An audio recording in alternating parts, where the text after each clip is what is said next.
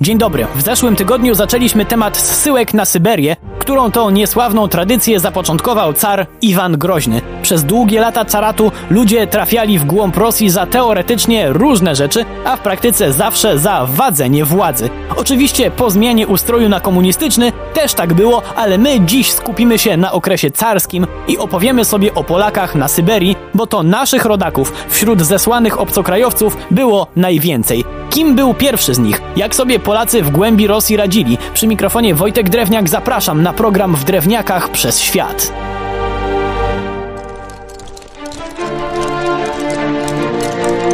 Nie da się oczywiście dokładnie określić, ilu Polaków władza carska wątpliwie uraczyła wysłaniem w głąb Rosji. Historycy wahają się między 60 a 80 tysiącami. Wśród skazanych na wieloletnią katorgę mnóstwo było powstańców, samych styczniowych około 18 tysięcy. Poza tym konfederaci barscy, żołnierze walczący u boku Napoleona czy duchowni. To właśnie duchownego uważa się swoją drogą za pierwszego polskiego zesłańca na Sybir. Chodzi o aresztowanego w 1767 roku krakowskiego biskupa Kajetana Sołtyka. Oddzielną kategorią ludzi zsyłanych na Syberię przez carskie władze byli jeszcze oficerowie oskarżani o knucie spisków przeciwko władzy. Czy słusznie oskarżanych? Często tak, bo Piotr Wysocki bezdyskusyjnie nie tylko brał udział, ale i przewodził związkowi, który doprowadził do powstania listopadowego. Podczas obrony Warszawy Wysocki został ranny, pojmany i skazany na karę śmierci, którą jednak zamieniono mu na 20 lat ciężkich robót. Oczywiście na Syberii. Czy potem żałowano? Tego nie wiem, ale z Wysockim były jeszcze problemy, bo oczywiście próbował uciec. Przewieziono go jeszcze dalej i zakuto w kajdany, jednak Wysocki koniec końców i tak jeszcze na polskie ziemię wrócił.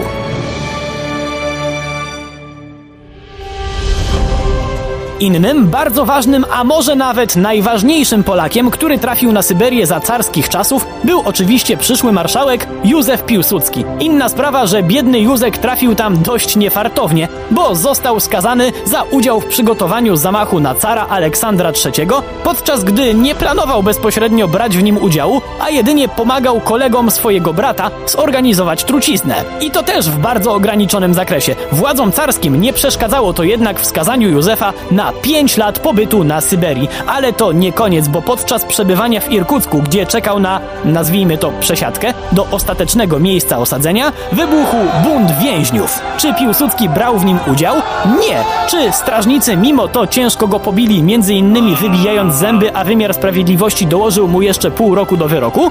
Ależ oczywiście. Mało wesoło to wszystko brzmi, ale Józef znalazł też na Syberii pierwszą miłość, Leonardę Lewandowską. Znalazł tam również zesłanych wcześniej powstańców styczniowych, którzy według wielu historyków wywarli niemały wpływ na światopogląd przyszłego marszałka, który od razu po powrocie do kraju bardzo mocno zaangażował się w polską partię socjalistyczną. Zostawmy już jednak Piłsudskiego i przyjrzyjmy się innym Polakom, którzy na zesłaniu przy okazji odbywania kary w miarę możliwości wpływali na lokalną kulturę. Kto na przykład? Choćby Konstanty Wolicki. Znakomity muzyk, absolwent konserwatorium w Paryżu, który po zesłaniu do Tobolska rozbujał na miejscu 48-osobową orkiestrę. Z kolei pani Helena Kirkorowa, która błyszczała na scenach Krakowa i Wilna, zesłana na 8 lat, znalazła dla siebie miejsce w teatrze w Irkucku. Inni artyści szukali dla siebie pracy w chórach czy orkiestrach związanych z wojskiem i w ten sposób próbowali zarabiać na życie z daleka od domu.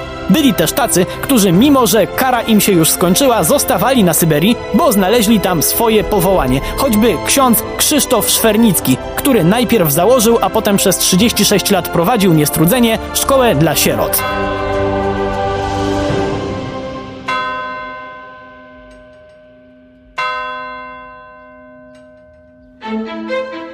Byli jednak i tacy, którzy podobnie jak wspominany już dziś Piotr Wysocki, nie planowali odbywać pełnego wymiaru kary i podejmowali próby ucieczki, często z wielkim rozmachem, jak choćby hrabia Maurycy Beniowski. Gość był niesamowity, bo jak inaczej można określić człowieka, który po trafieniu na Kamczatkę zorganizował bunt więźniów, w wyniku którego opanowano miasto. To jednak był dopiero początek, bo razem z towarzyszami ukradł statek, którym najpierw popłynął do Japonii, a potem nasz rodak trafił do Francji, gdzie zaciągnął się do armii. Potem służył u Austriaków, ale to nadal nie wszystko, ponieważ trafił też do USA, gdzie próbował namówić Amerykanów, żeby zajęli Madagaskar, a kiedy stwierdził, stwierdził, że ich nie przekona, to uznał, że w takim razie zrobi to sam. Udało się? No tu już niestety nie, bo poległ w konfrontacji z francuskim wojskiem, ale co jedną tamtejszą faktorię handlową zajął, to jego.